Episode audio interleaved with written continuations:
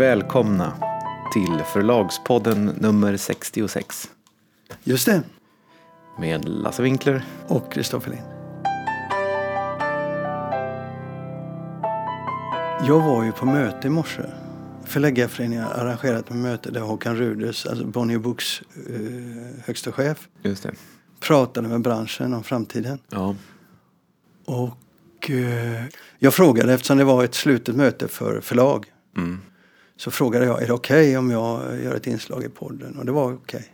Så då gör vi det. Och alla var där. Det var, där. Ja, 70-tal pers. Utom du då.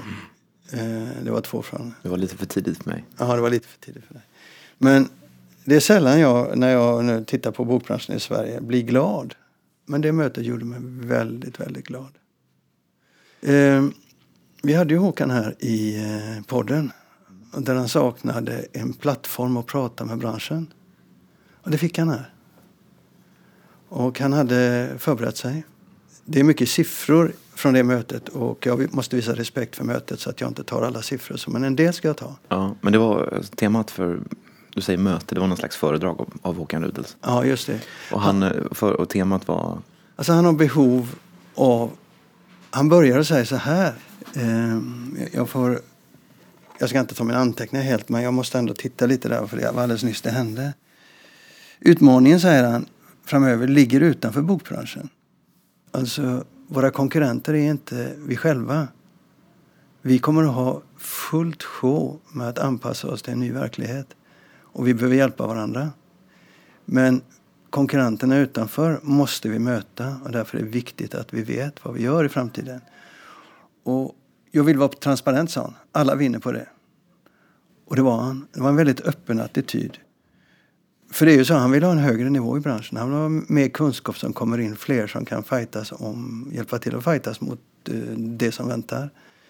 Så han redovisade siffror. Han berättade om hur, hur läget är för Bonnier Books. Han jämförde, den stora vinsten var att han jämförde Sverige med övriga världen och det är inte ointressant. Nej. Framförallt Tyskland och England, där de är stora. De är ju jättestora på de här marknaderna. Så han hade siffror, han hade tendenser och han hade skillnader. Jag ska gå in på det lite grann, skillnaderna. Han började i, i, i, och det var väl mer för att säga att eh, det som jag har sagt dig, att de är jävligt duktiga på kunskap. Och du säger ja, säger du, men de jag är har inte sagt det, det, det, det var när vi talade om Danmark och du tror att man kan använda teoretisk kunskap väldigt praktiskt när man bygger upp nya förlag. Nej, där, där definierar man lite fel. Men vi släpper det nu för det är inte det vi ska prata om. 2012 så eh, samlades de och så ställde de tio frågor. Var är vi om fem år? Och så slår de fast tio teser. Eh, Bland, bland annat så, så hade de då när de gjorde detta, då hade de 3% digital omsättning. Och de gjorde analysen att eh, 2017, eller de hade den första tesen var den. 2017 har vi 25% omsättning och 30% volym på eh, den digitala marknaden. Mm. Och det fick dem att sätta igång sitt digitala projekt. Du vet det här tusen böcker, Ja. backlisten så. Därför blev de tidiga. Eh, Men de missade med 4% De har bara 21, 2017 har de bara 21% digitalt. Han ville väl bara ta det för att det var roligt men också för att visa att de har gjort sin, sin läxa lite grann och det har fungerat rätt bra för dem. Mm. Det är nu kanske inte allting men det, det, var, det var mer ett anslag. Så. Eh, och sen så visade han, och det kan ju vem som helst göra, för vi pratade just om det efteråt. Alltså mycket av det jag har här, sa han, det är sånt. Man måste bara vara intresserad av siffror, precis som du är då. Så visar han utvecklingen. Jag tror att han slår mig i sifferexercis. Ja, det tror jag att han gör. Han är att, väldigt intresserad. ja, det tror jag att han gör också. Han har också mer eh, bakgrundskunskaper som han får hela tiden. Men han, han pekade då hur utvecklingen har skett från eh, tio år tillbaka. Så där? Eller från 2012. Han sa ju då, det var ju det året Netflix startade i Sverige och det fanns ingen Swish och så. va. Så det var en helt annan värld då 2012. Vi tänker inte på det. Det var sex år, sju år tillbaka.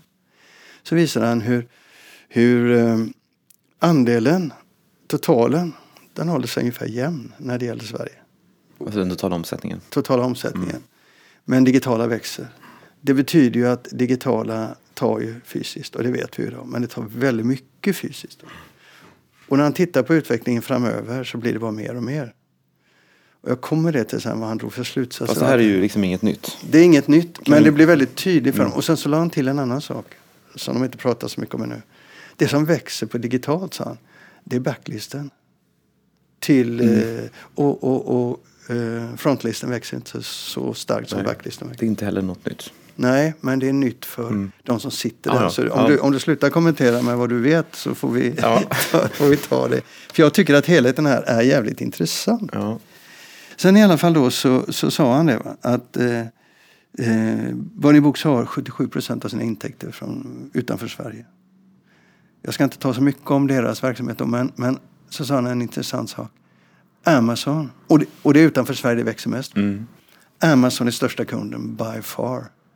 De är, de är lika stora som alla andra tillsammans.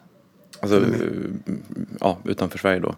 Ja, det är ju, de är ju utanför Sverige. Mm. Och sen kommer Thalia och DBH, alltså två stycken tyska, bo, mm. tyska bokhandelskedjor. Och sen Akademibokhandeln. Alltså, Amazon växer ju varje år för oss med ett Akademibokhandeln om året. Jag, jag tror han sa, jag, jag kan ha fel där, men de växer väldigt, väldigt, väldigt mycket. Det betyder ju en helt annan analys än den vi har. Och i de länderna där Amazon finns så ser också marknaden annorlunda ut. Han gör, han gör då eh, den jämförelsen mellan Norden och Sverige då, och övriga världen. Och då är det så att eh, de har ungefär samma omsättning digitalt, kanske lite mindre, men den växer hela tiden. Men de har alltså väldigt lite ljud och ljudet växer väldigt mycket internationellt. Men de har, utav det digitala så har de 80% e-böcker Mm. och 20% ljud. Vi har ju tvärtom, eller till och med mer då. Precis, men de har ju fortfarande inte riktigt streaming. Eh, De har ju audibles. Prenumerations, men det är en form av streaming också. Ja, Ja, det, det är ju det. Men hur som, i alla fall så ser det så ut nu. Och han kommer tillbaka till det när han tittar på marknaden. Så säger han så här. Förr så trodde jag att vi i Norden låg före. Nu är min bedömning att de ligger före. De har gått igenom de här konflikterna som vi ser kommer till oss. De har gått igenom dem. Tyskland ligger före Sverige. Tyskland och England ligger före Sverige. Och där har förlagen anpassat sig.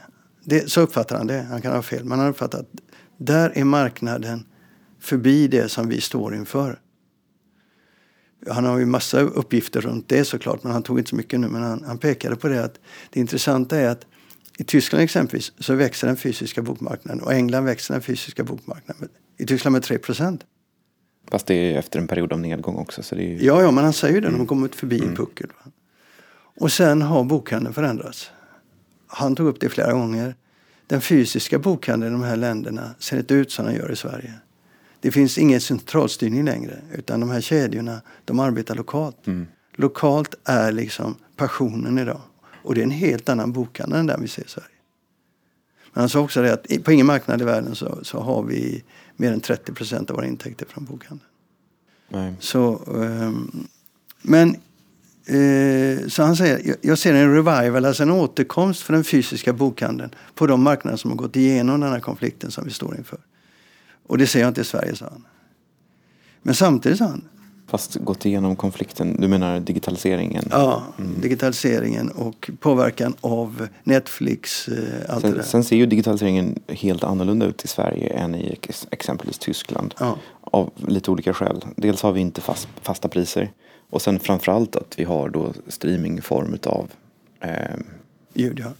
Ljud där ljudet är stort. Men också att vi har, vi har prenumerationstjänsterna. Audible är inte en prenumerationstjänst. Du förändrar Jo, konsum- det är den. Jo, men- Till exempel på jo, e-böcker är det en prenumerationstjänst. Ja, det är. På Kindle ja. Jo, det är Ja. sant. Men, men på, på ljudet så har du inte det. Och det gör ju också att marknaden blir helt annorlunda. Ja, men han säger inte att den är samma, men han säger att den, den digitala fasen har de gått igenom. Och de får justera sig på de här marknaderna.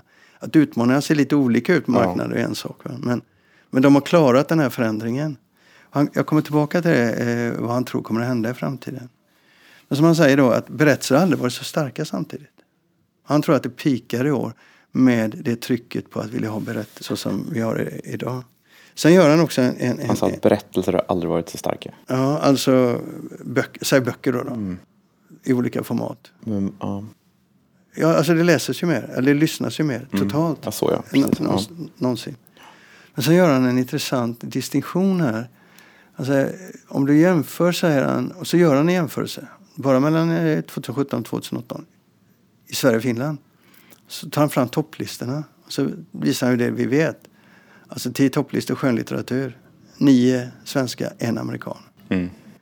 I Finland, två amerikaner. Mm. Eh, och så visar han film. Där är det tvärtom. Nio amerikaner och en svensk. Jo, det har ju sina självklara förklaringar. Jo, men vad han pratar om då är en barriär. Mm. Böcker är lokala. Ehm, Det är en lokal marknad. Och det är inte film längre. För det är ett, ett, ett språk som man kan ha. Ja, jag behöver inte utveckla det. Så, så sa han, så när han började prata om framtiden. Då, och sa, nu kommer det lite mycket gissningar. Men det är våran analys. Ni får ta den för vad ni, vad ni, hur ni uppfattar den. Det är Håkans analys. Ja, eh, Bonniers Ja. analys är det såklart. Och så säger han, han tror i framtiden att bok, bokhandeln kommer att framför allt vara stark på bak, barnböcker. Internet, eller e-handeln, kommer vara stark på, på eh, andra format utom skönlitteratur som kommer ligga på strömmat och prenumerationer. Vi går in i ett läge nu, de närmaste två åren, sa han, så kommer vi in i en ny fas där marknaden kommer att ändra karaktär prisbilden blir en jättestor utmaning för oss med den här ökade, ökade streamingtjänsterna. Men som jag sa då, i Sverige har vi fem prenumerationstjänster. Och det är för många. Det är för lite marknad för det. Så att det kommer inte att förbli så. Om någon i det läget börjar konkurrera med pris så kan vad som helst hända. Så. Det kan bli väldigt, väldigt jobbigt för marknaden. Mm. Och sen så här, kommer Amazon in eh, så eh, förändras ju strukturen också på marknaden. Väldigt mycket. Alltså, många, många förlag kommer att försvinna. Eh, men nya aktörer kommer att komma in. Men överhuvudtaget så pekar han på det. Om 57 år så kommer bokbranschen inte se ut som den gör idag. Därför att vi kommer att se mycket sammanslagningar. Vi kommer att se mycket utslagningar. Och vi kommer att se ett utbud som ser annorlunda ut. Han var väldigt rädd för likriktningen som kommer av strömmat om vi inte, alltså, han är öppet för det. Det är möjligt att den yngre generationen kan tänka sig mer komplexa böcker eh, i, i strömmande format, eh, fackböcker och så. Det vet vi inte idag, för så ser det inte ut idag. Nej. Och sa, vi har en utmaning och det är eh, vi måste ju följa den här utvecklingen. Vi kan inte förneka den utan vi, vi, vi måste agera mot den. Men vi måste vara väldigt uppmärksamma på likriktningen, sa han. Och han sa att eh, vi har inte nått det värsta ännu. Eh, utan vad som kommer nu kommer påverka all, all utgivning. Eller han, han uppmärksammade på det att eh, nu går vi mot en situation när det gäller den fysiska utgivningen. Så att strukturerna börjar bångna nu.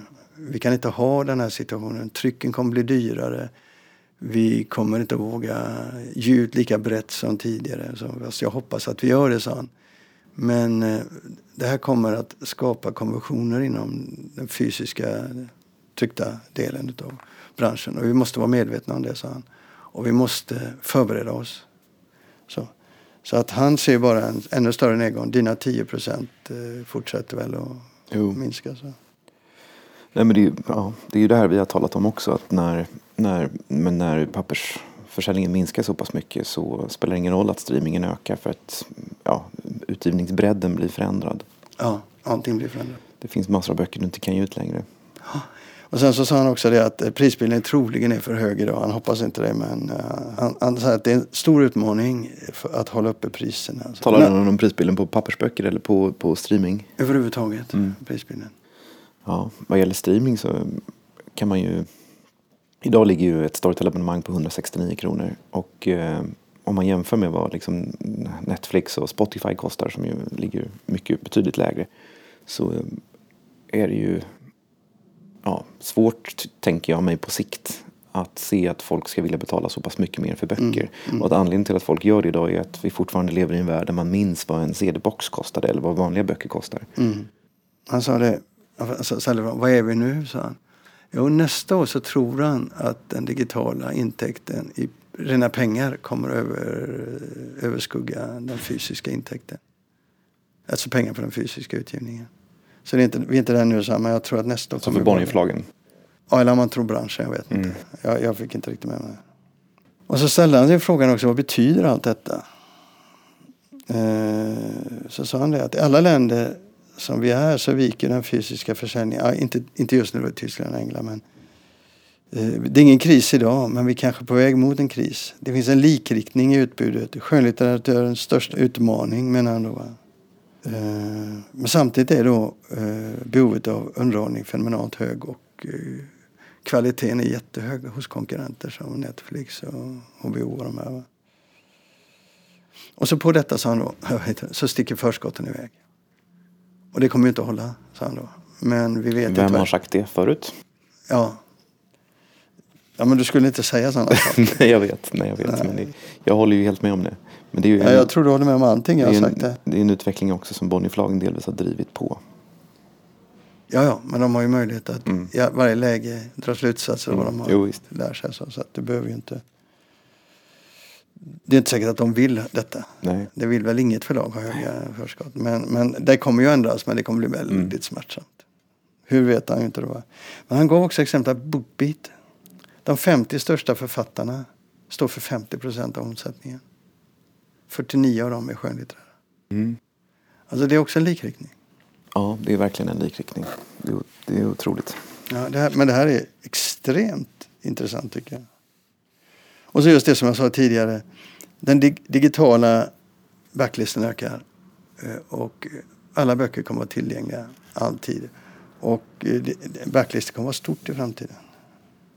Alltså, men det här är våra analyser av framtiden. Det behöver inte vara era. Men eh, som slutsats så, så tycker jag att det var ett, ett av de bästa snack jag har hört mm. i branschen på många, många, många år. Och det glädjer mig. Attityden glädjer mig stort. Mm. Och jag hoppas att alla andra förlag tar den här handsken nu, eller man ska kalla den. Och fortsätter att samtala om de här grejerna. Fortsätter att vara öppna mot varandra och stärker varandra även om de är ändå konkurrenter. Så. För att stärka boken. Så som helhet då. Jätteroligt möte. Var det några intressanta inspel från publiken? Nej, alltså det var några frågor. Bland annat om bibliotekens roll. Han sa det då, det, det, det är intressant det här med biblioteken. Så. Eh, det som kan hota allt det här, det är om vi får en ny bibliotekslag. Det kan ändra villkoren totalt för bokförsäljning i Sverige. Så, man sa inte mer än det, men han sa det att det blir ju intressant, sa han, om intäkterna från, från eh, strömmande tjänsterna går ner i samma nivå som biblioteken. Då lägger jag alla mina tankar på biblioteken, sa han mycket hellre en, en, en, en eh, samhällsfunktion som fungerar som är viktig för samhället. Han. Om vi får samma ersättning. Men han, han, tror inte att det skulle gå dit. Va? Gör det det så får man göra en ny analys av situationen. Ja, ja där har jag ju en helt annan uppfattning. Ja. Jag tror att det vore förödande för boken som, även som fysisk produkt om den största konsumtionen av boken är skattefinansierad gratis fri nedladdning. Ja, men det, det, det tror jag nog att, också det... att han uppfattar. Det var inte det, men han, sa, han, han ville bara peka på en mm. konflikt. Så jag tror inte han var... Det där var en fråga, så det tog han bara mm. i luften. Så, så jag, jag lägger inte så stor vikt vid det, men jag tyckte det var rätt roligt att han sa det. Ja, alltså det där var ju högt och lågt. Uh, ni som lyssnar får ju ta till er det ni orkar, men uh, men eh, det här tror, hoppas jag betyder att vi får en intressantare bokbransch framöver. Mm. I offentligheten. Vad tänker du? Nej, men jag tycker att allt det här är väldigt intressant. Det är relativt lite nytt. Mycket av det han säger är också resonemang han förde i den här intervjun som han gjorde i, i podden. Det känns men det, ju, där var vi ju superflummiga. Den känns ju, det känns ju nästan som att den, den, det var liksom hans förberedelse för det här morgonmötet. Um, eller det liksom var där han ventilerade de här tankarna först. Uh, han talar väldigt mycket om att han vill ha ett mer ett, ett seriösare samtal, ett allvarligare samtal. Um, och jag, jag tror lite grann att han eh, Alltså han, han vill ju väl och uh, ambitionen liksom att, att, att måla upp de här hoten som kommer från boken utifrån, de är ju det är, det är riktigt så att säga. Där har vi ju väldigt mycket gemensamma intressen. Men det känns ju också lite grann som att han, han, han, han lyfter på locket för att liksom på något sätt förankra de förändringar som kommer att komma inom Bonnierförlagen. Nej, det tror inte jag. Han, eh, alltså, det är två olika saker. Han, säger, han, säger, ju, han säger ju att det kommer bli väldigt tufft det här. Det kommer bli en likriktning. Jag hoppas att det inte blir så. Men, men, men det är så här det ser ut och låt oss tala om det tillsammans. Eh, men, men, men han är ju också ansvarig för en väldigt stor verksamhet. Så jag tror att han har ett behov av att liksom, liksom öppet prata om vad som faktiskt sker och kommer att ske. Ja, det för, tror jag också. för att liksom förankra också förändringar och förankra förändringsarbetet. Och det är ju väl helt rätt. Ja, men så kan det vara. Men jag tror inte att, att hans eh, primära är... Nej, det tror inte jag heller. Men jag tror att det finns ett behov av det. Ja, ja, för, för all del. Det gör det ju för dig också. Jag menar, eh, det gör det för alla. Att, att ni har en större organisation. Det är ju, det är ju väldigt många som, som inte förstår. Eh, inte minst skulle jag säga författare. Ja. De förstår inte riktigt vad som händer. Och vi har ju talat här om det här med att vi ofta gärna ser bara digital utgivning. Och, eh, de tror att vi ja, är lite lata, att vi liksom inte ser potentialen. Och så. De, de förstår inte att marknaden är helt annorlunda, att den har blivit helt annorlunda på otroligt kort tid. Ja. Och den kommer förändras ännu mer. Den kommer att förändras ännu mer. Sen har jag ju lite svårt att se liksom hur, hur ett... Det, det är bra att vi talar om de här sakerna men jag har ju svårt att se hur vi ska genom samtal kunna lösa de här problemen som likriktningen och den förlorade bredden och sådär. Det är ju väldigt svåra saker att lösa och det är ju väldigt starka strukturella underliggande krafter som driver på utvecklingen. Nu är det ju inte så, nu är det inte så att någon tror, Nej. och det tror inte Håkan tror, att, det, att samtal kommer lösa någonting. Men sam, vad samtal gör, det gör ju oss medvetna om utmaningarna. Absolut, Och sen, och sen så måste vi ta tag i dem. Men det är något helt annat. Det är på flera Jag, plan. jag, jag ser ju utvecklingen som oundviklig. Det gör ju han också. Eh, och sen kan vi prata om den naturligtvis. Men det, vi får liksom gilla läget. Ja, vad det sen betyder, vilka, vilka val man sen gör. Men det är viktigt för alla som lyssnar på podden exempelvis. Va? Det är ju att veta att så här kommer det troligtvis att se ut eller något liknande. Det betyder att alla behöver vara medvetna om vilka utmaningar som finns. Mm. Så att man deltar i det förändringsarbetet eh, med rätt utgångspunkter. Mm. Jag pratade med några som var där efteråt och de var ju väldigt, väldigt, väldigt nöjda med det här samtalet. Och eh, Erik Osvald på Historiska Media exempelvis, han är väldigt lättrörlig och han har ju lyckats hålla det här förlaget eh, levande under otroligt många år. Justerat förlaget i riktning så att de överlever det här. Va? Så de är ju fortfarande starka. Och han var eh, uppenbart, hade han tagit åt sig en hel del och gå hem och fundera över hur de ska göra i framtiden. Och man ska, vill man se hur ett sånt här samtal kan fungera, hur det sätter idéer i huvudet på vad ska man titta på. Historiska medier tror jag, för Erik är en sån som går hem och funderar. Det är inte alla som gör. Nej. ja, Nej, det var bara min tanke Det är efter, ett survival of the fittest som är fram, ligger framför oss. Ja, i alla stora brytningstider är det ju så. Ja. Och eh, ja, vi har pratat om det till förbannelse här om, om, om vad som kommer kunna hända med förlag som försvinner och så. Och det är väldigt ledsamt, men det är ju så. Det kommer se ut. Ska vi stoppa där? Jag tycker det.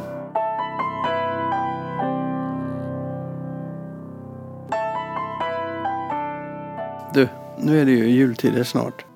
När vi spelar in det här, det är några veckor kvar. Men eh, det programmet vi nu spelar in kommer innan jul. Och då tänkte jag att det är ett bra läge och eh, diskutera lite böcker också. Mm. Bra böcker vi har läst under året som vi vill rekommendera. Har du någon?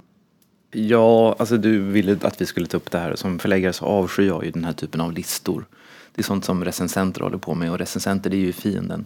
Eh, kritikerlistor och årets bästa böcker och så här. För det blir ju, det blir ju som alltid ett, eh, liksom en, en slags eh, förenklad liksom, skärva av verkligheten när man väljer ut bara några, eh, liksom, ett fåtal av Jo, men vi utgår bara ifrån våra läsfrukter. Jo, men även jag har ju massa bra böcker om jag ska välja fram några. Men jag har valt ut några eftersom du vill att vi ska göra det. Okej? Du börjar, så kommer jag. Nej, men alltså den första boken har jag redan talat om här i podden. Och ehm, det är Drömmen om San Michele av Axel Munthe.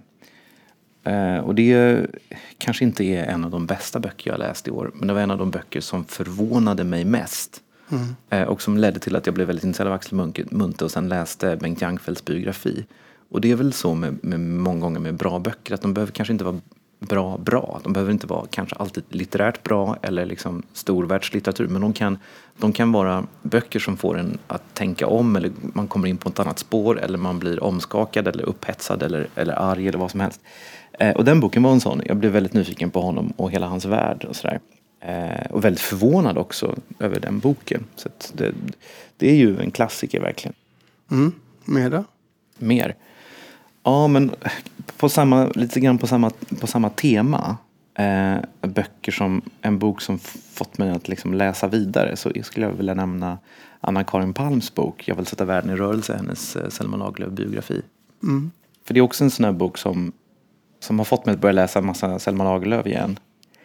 Eh, och då, det är ju en bok som sätter någonting i rörelse och sådana böcker är ju bra. Mm. Eh, och sen var det ju en, det är en, det är en traditionell biografi som eh, med, med, både liv och dikt så att säga. Och även om man kan Selma Lagerlöfs författarskap så är det ju intressant att läsa om det. Men framförallt så är det ju de, liksom det personliga, eh, det biografiska stoffet som, är, som jag tycker är väldigt spännande.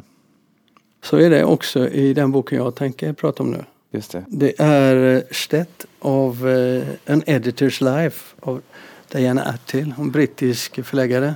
Ja. Hon, eh, hon levde ett långt liv. Hon blev 101 år. Hon dog väl ganska nyligen va? Ja, hon dog i januari. Hon blev 101 år. Det är helt otroligt. Och skrev hon inte en bok om att åldras också som kom på svenska? Eh, det kanske hon har gjort. Eh, hon har skrivit många böcker. Men den här boken är eh, helt underbar att läsa. Därför att är man intresserad av förläggeri, är man intresserad av, av vad en förläggare gör eller en, en redaktör gör, så det här är en av de mest intressanta böckerna man kan sätta. Vad heter den nu igen? Stett, S-T-E-T. Jo, men boken? Den heter Stett. Okej. Okay. En, en editor's life. En editor's life. Och Stett är en sån här um, markör du gör när du redigerar böcker. Det betyder låt stå. Du skriver Stett i kanten, då ska det stå kvar. Men det som är intressant med Diana till är ju hennes tilltal. Hon, hon skriver fantastiskt. Hon har en otroligt fint sätt att skriva. Eller hon skriver väldigt eh, litterärt men hon skriver mm. också väldigt spännande. Du dras in i hennes värld. Sen är hon kompromisslös när hon berättar sin berättelse. Hon har ju sagt det att ska jag skriva en bok så ska jag gå på djup med saker och ting. Och hon är hänsynslös. Hon är hänsynslös mot sig själv. Hon är hänsynslös mot dem hon skriver om. Vet, hon, hon, hon eh, var ju där som förläggare under den gyllene perioden, mm. om man ska säga så, för förläggeri. Hon jobbade för ett litet litterärt förlag i London från direkt efter kriget till 1985 tror jag. Så att det är flera decennier. Många, många, många. Hon blev 75 år när hon slutade. Så hon kan berätta en historia. Hon började på Alan Wingate som sen blev André Deutsch. Eh, kända små litterära förlag i London. Och när hon berättar interiörerna från de åren mm så är det helt makabra, underbara berättelser om dessa tok roliga människorna och en del inte så sympatiska men ändå bra förläggare. Så. Hennes berättelser om författarna som hon träffade är e- enormt eh, fina och djupa. Hon var ju förläggare för bland annat eh, V.S. Naipaul, Jean Rhys. Man ska uttala det så. Hon kom från. Bägge kommer från Västindien. Hon var också förläggare för Philip Roth när de gav ut eh, i början. Så. Fast han var amerikan så det var... Han var amerikan så det var lite annorlunda mm. där. Men eh, hon, har, hon har bra berättelser runt mm. det här. Men hon berättar ju hur det var att ha de här författarna. Det var de hon älskade mest. Och hennes berättelse och Rys liv är makalös. Den är så sorglig och den är så fantastisk. Eh, hon ger sådana interiörer hur det är att vara förläggare mot griniga författare, mot excentriska författare. Det är så likt kan jag tänka mig. Ja det är det. Naipaul var ju ingen vacker människa på det sättet. Men hon hade en stor kärlek för de här. Så när hon berättar om dem så är det oerhört spännande att följa med henne på den resan. Samtidigt så är hon en röst som du följer som du känner bara att ah, kan inte du bli min kompis ungefär? Du vet när man ja, har... Ja men den... det där låter ju som en bok som jag ska läsa också. Men så, så, så bland annat då så hon redovisar också misstagen hon gjorde. Eller eh, hur det kunde bli då. Hon hade ju Philip Roth. Då. De ger ut den första boken med Philip Roth. Och den eh, går sådär. Men den kör honom alltså rätt upp i det litterära himlen. Han blir mm. väldigt, väldigt stor. Och eh, sen så kom nästa bok. De skulle ge ut den, den hette Letting Go. Så tittade hon på den så tänkte hon, den här är för lång. Det finns en mening jag vill stryka men den är för lång, den kommer inte att fungera. Hon pratade med André Deutsch då, men han var alltid en feg människa. Hon fick ta de svåra mm. besluten. Och de kom överens om det att om vi säger till Roth det så blir det kanske så att han lämnar förlaget. Och alla ville ha honom, vi ville ha honom. Ja, det där är klassisk problematik så att säga. Man, ja. man vågar inte ge motstånd för då är man rädd för att författaren ska dra vidare. Men så de ger ut den mm. och den säljer dåligt. Och det gör honom missnöjd. Va? Mm. Sen när nästa bok kommer då, så ser de på den, hmm, den här är inte lika bra. Nej. Och vi förlorade förskottet på Mellan, den första. Mellanbok. Ja, mm. vi förlorade förskottet på den första så tänker de, vad gör vi nu då? Också klassiskt. Ja. Jo, vi ger ut den. Men han får mindre förskott. Så de erbjuder honom mindre förskott. Då blir han så förbannad så han lämnar förlaget. Mm. Bok fyra, vet du vilken det var? Portnoys besvär. Exakt. Och då slog han rätt upp i taket. Och då så sa han att det var det nya förlagets förtjänst. Ja, men där har han ju fel. Mm. Men, det, men det, där är, det finns ju hur många sådana exempel som helst. Ja, men hon berättade med sån... Ja, det finns ju hur många sådana som, ja. som helst. Jag, tänker, ett annat sånt där svenskt exempel är ju Malin Persson Giolito som kom ut på Piratförlaget och skrev bok efter bok. Och jag vet inte om hon var missnöjd men hon bytte ju förlag till Albert Bonniers. Och eh, så säkert var hon lite missnöjd. Eh, och sen så skriver hon den här boken som sen blev tv-serie. Eh, jag kommer inte ihåg vad den heter nu men som är ju en fantastisk bok. Mm.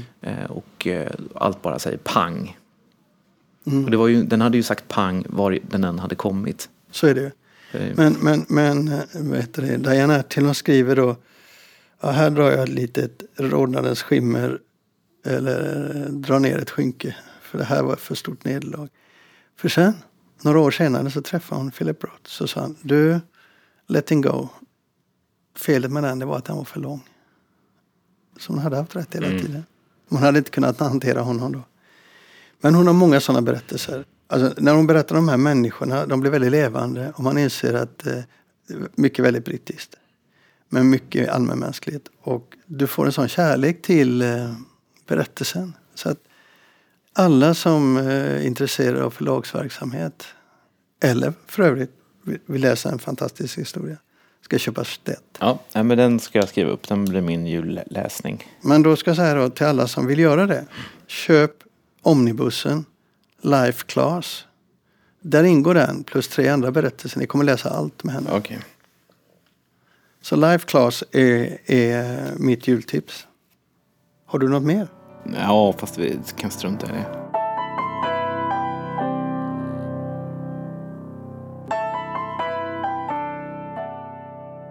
Du får börja. Ja, alltså jag vet inte vad det här kommer att leda. Men jag eh, var på en, eh, en fest för några veckor sedan som var väldigt trevlig. Eh, och där hölls det ett tal eh, där, som var ett bra tal och där det bland annat personen som höll talet sa att det är så kul att jobba i, i bokbranschen för att det är så himla trevliga människor. Eh, och vi mår så bra här och har det så trevligt tillsammans. Och jag har tänkt lite på det där. Eh, för det där är ju en föreställning som är ganska spridd i branschen. Mm. Man hör det väldigt ofta. Jag har säkert sagt det själv här i podden. Att man talar om att det är Ja, det är ju väldigt trevligt. Alltså, bokbranschen är många bra människor, många intressanta människor. Så här. Men vad säger det om oss egentligen? ja, det, det, det, ska du få utveckla. Jag har mina egna tankar om det. Men du måste få utveckla detta nu. Det ska bli intressant. Du, du kan ta dina tankar först. Nej. Nej, men jag, jag tänker så här att jag är lite kluven. Därför att eh, man, om man vill se positivt på det så kan man säga så här, ja men vad det här säger, det säger att folk i bokbranschen är väldigt passionerade. Folk i bokbranschen söker sig dit för, för att de har ett personligt intresse, vilket man kanske inte alltid gör till andra branscher. Och den är en ganska liten bransch och eh, man har gemensamma intressen. Och, och då skapas en stark sammanhållning och att det där kan vara äkta och sådär. Men man kan också vända på det och se att i det här att, man, att vi så talar så mycket om oss själva och att vi berömmer oss själva så mycket och talar om att det är en trevlig bransch så finns det också en slags självupptagenhet Eh, och det finns en, det handlar väldigt mycket, alltså vi, vi är väldigt fokuserade och besatta av den egna självbilden. Eh, liksom, jag tror ingen i hotell eller försäkringsbranschen skulle säga att vi, det är så himla trevligt i försäkringsbranschen och hotellbranschen. Eh, och, och, att här finns det liksom en, en, en inskränkthet. och ett omedvetet drag av hög, högfärd faktiskt och ett ointresse för andra branscher.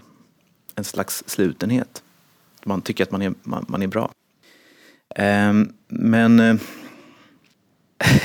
ja, jag vet inte. Uh, så vad jag har kommit fram till är liksom att jag tror att allt är ett enda stort självbedrägeri. Mm. Jag, tror att, jag, tror att man säger, jag, tror, jag tror att man säger det här så här ungefär på samma sätt som, som att lärare kanske säger att liksom, ja, det är inte så himla lätt och inte så kul alltid och det är ett slit och sådär. Men vi har ju väldigt långa sommarlov. Jag tror att, jag tror att det, det, är lite grann så som man säger, ja jag har jobbat hela mitt liv i bokbranschen och det är ju en väldigt trevlig bransch. Ungefär som att man liksom motiverar sig. Ehm, och sen tror jag kanske att mm, själva den här utgångspunkten att bokbranschen skulle vara så trevlig. Det är ju, om man liksom gräver lite grann i den utgångspunkten, en väldigt konstig tanke. Att liksom, det skulle vara en högre koncentration av trevliga människor i bokbranschen. Det är rätt absurt att tänka sig. Bokbranschen är ju så otroligt liten. Eh, det är ju en, en bransch som är en, en riktig skitbransch i ekonomiska termer. Eh, och världen är ganska stor och det finns oändligt mycket människor. Och eh, ju mer jag tänker på det här så börjar jag känna mig lite lurad. Det kanske inte alls är så att bokbranschen är trevlig. Det kanske är liksom gubbarna på Atlas Copco man ska hänga med. Gör du det? Det var det som var min spaning. Ja. Jag, jag, jag tänker på det från ett annat håll. Om man tittar på branschen så är det här ett historiskt epitet man har. Bokbranschen har alltid varit trevlig och den har varit lite fin. Och det handlar ju mycket om eh, böckerna och böckernas innehåll. Man jobbar mycket, lika mycket med idéer som med varor.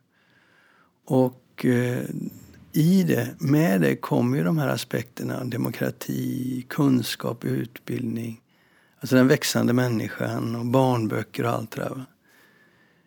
Och det, det skapar ett samtal som är väldigt tydligt har anslag av trevlighet eller glädje. Men den andra sidan av branschen, pengarna, marknaden så att säga. Där är inte folk så trevliga. Det finns en del som beter sig otroligt illa och har betett sig otroligt illa. Och här luras man och, och har man sig precis som i andra branscher. Så det är två sidor utav den här branschen. Jo, fast, fast eh, det du säger här är väldigt bra. Du formulerar väldigt bra, inte minst när du talar om det här med, med, med eh, liksom bildning och, och Eh, barnböcker och mänskliga rättigheter och bla bla bla. Eh, att, det, att bokbranschen är lite fin. Det är väl det som jag vill komma åt. För det, i det här att den är så trevlig så finns det också en, en tanke om, omedveten oftast, att bokbranschen är lite, lite märkvärdigare, lite finare, lite bättre. Och att det där är en, eh, inte alltid en, en bra, inte en bra sak att gå omkring med. Nej, men tittar du sen på, på anställningsvillkor så ser du att när du, ju längre ner du kommer i hierarkin, redaktörer och andra så, så är det lite skamligt vad man betalar. Jo, men det är därför som jag säger att när jag liknade det med lärarna som säger att de har i alla fall lång semester så är också det, det... Ja, alltså eh, de ekonomiska villkoren är inte särskilt trevliga. De är tvärtom, de kan vara väldigt slitsamma och man kompenserar det att du har ett roligt jobb. Men det är inte alltid du har ett roligt jobb. Så att eh, det, det, finns många svar på den här frågan, många detaljer i den. Men jag minns när jag jobbade på Svensk Bokhandel. Då pratade jag med Robert Tam som har varit med här, här i, eh, mm. i eh, podden. Eh, och då frågade jag honom vid ett tillfälle. Då var han, eh, han var ju där, högchef då. Han var marknadsdirektör eller? Marknadsdirektör tror jag han var. Ja. Eh, och han hade varit tidigare han jobbat på, på Boka och gått ut mot, till Coca-Cola och, mm. och Heinz och de här och sen kommit tillbaka. Varför kom du tillbaka till bokbranschen? Och så han, när jag började i bokbranschen så tyckte jag att det var trevligt. Det var sympatiska människor. Det var inte så hårt, sa han. Så gick jag ut eh, utanför och då upplevde jag hur tufft det var. Och hur omoraliskt det kunde vara. Alltså det, det krävdes mutor och det krävdes det ena och det andra och folk betedde sig rätt mycket. Så, så jag tröttnade på det, sa han. Och eh, ville tillbaka in i bokbranschen. För att den var så trevlig. Mm. Nu kanske jag eh, inte citerar honom rätt eh, i detaljer. Ja, så du minns att han sa? Så minns jag att han sa. Har ju, det har ju hänt ganska mycket sen. Bokbranschen är ju inte densamma som när han var här. Nej, men grundläggande är det samma eh, arbete, det är samma kultur mm. som ligger. Men det har ju varit väldigt mycket konflikter det- och smäller det på så är inte bokbranschen så trevlig. Nej, och det har ju smält ganska mycket på sistone. Ehm, Thomas Fischer som köpte författarförlaget, räddade författarförlaget från konkurs, som sen blev Fischer Company. Han har sagt ganska många gånger till mig att eh, under alla hans år i finansbranschen, för han kom ju från finansbranschen, en av Sveriges första börsknuttar, så eh, blev han aldrig lurad. Men så fort han satte sin fot i bokbranschen så högg folk knivar i ryggen på honom. Eh, författarna tog gärna emot fina förskott och de lät sig bjudas och var bländade av pengar och såna här saker. Och sen så, så fort de kunde så bytte de till något som de uppfattade som ett bättre förlag. Och liksom han, han upplevde att branschen var, eh, ha- hade väldigt mycket av det negativa som kommer med att den är fin.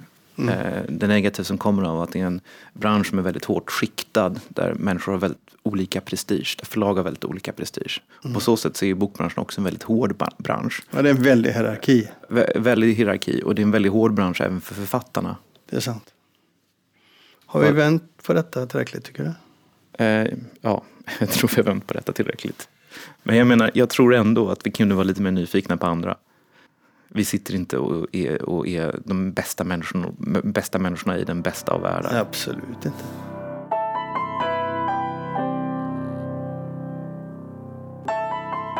Det var allt för avsnitt nummer 66. Tack för att ni har lyssnat. Hej då. Hej då. Vi hörs om två veckor.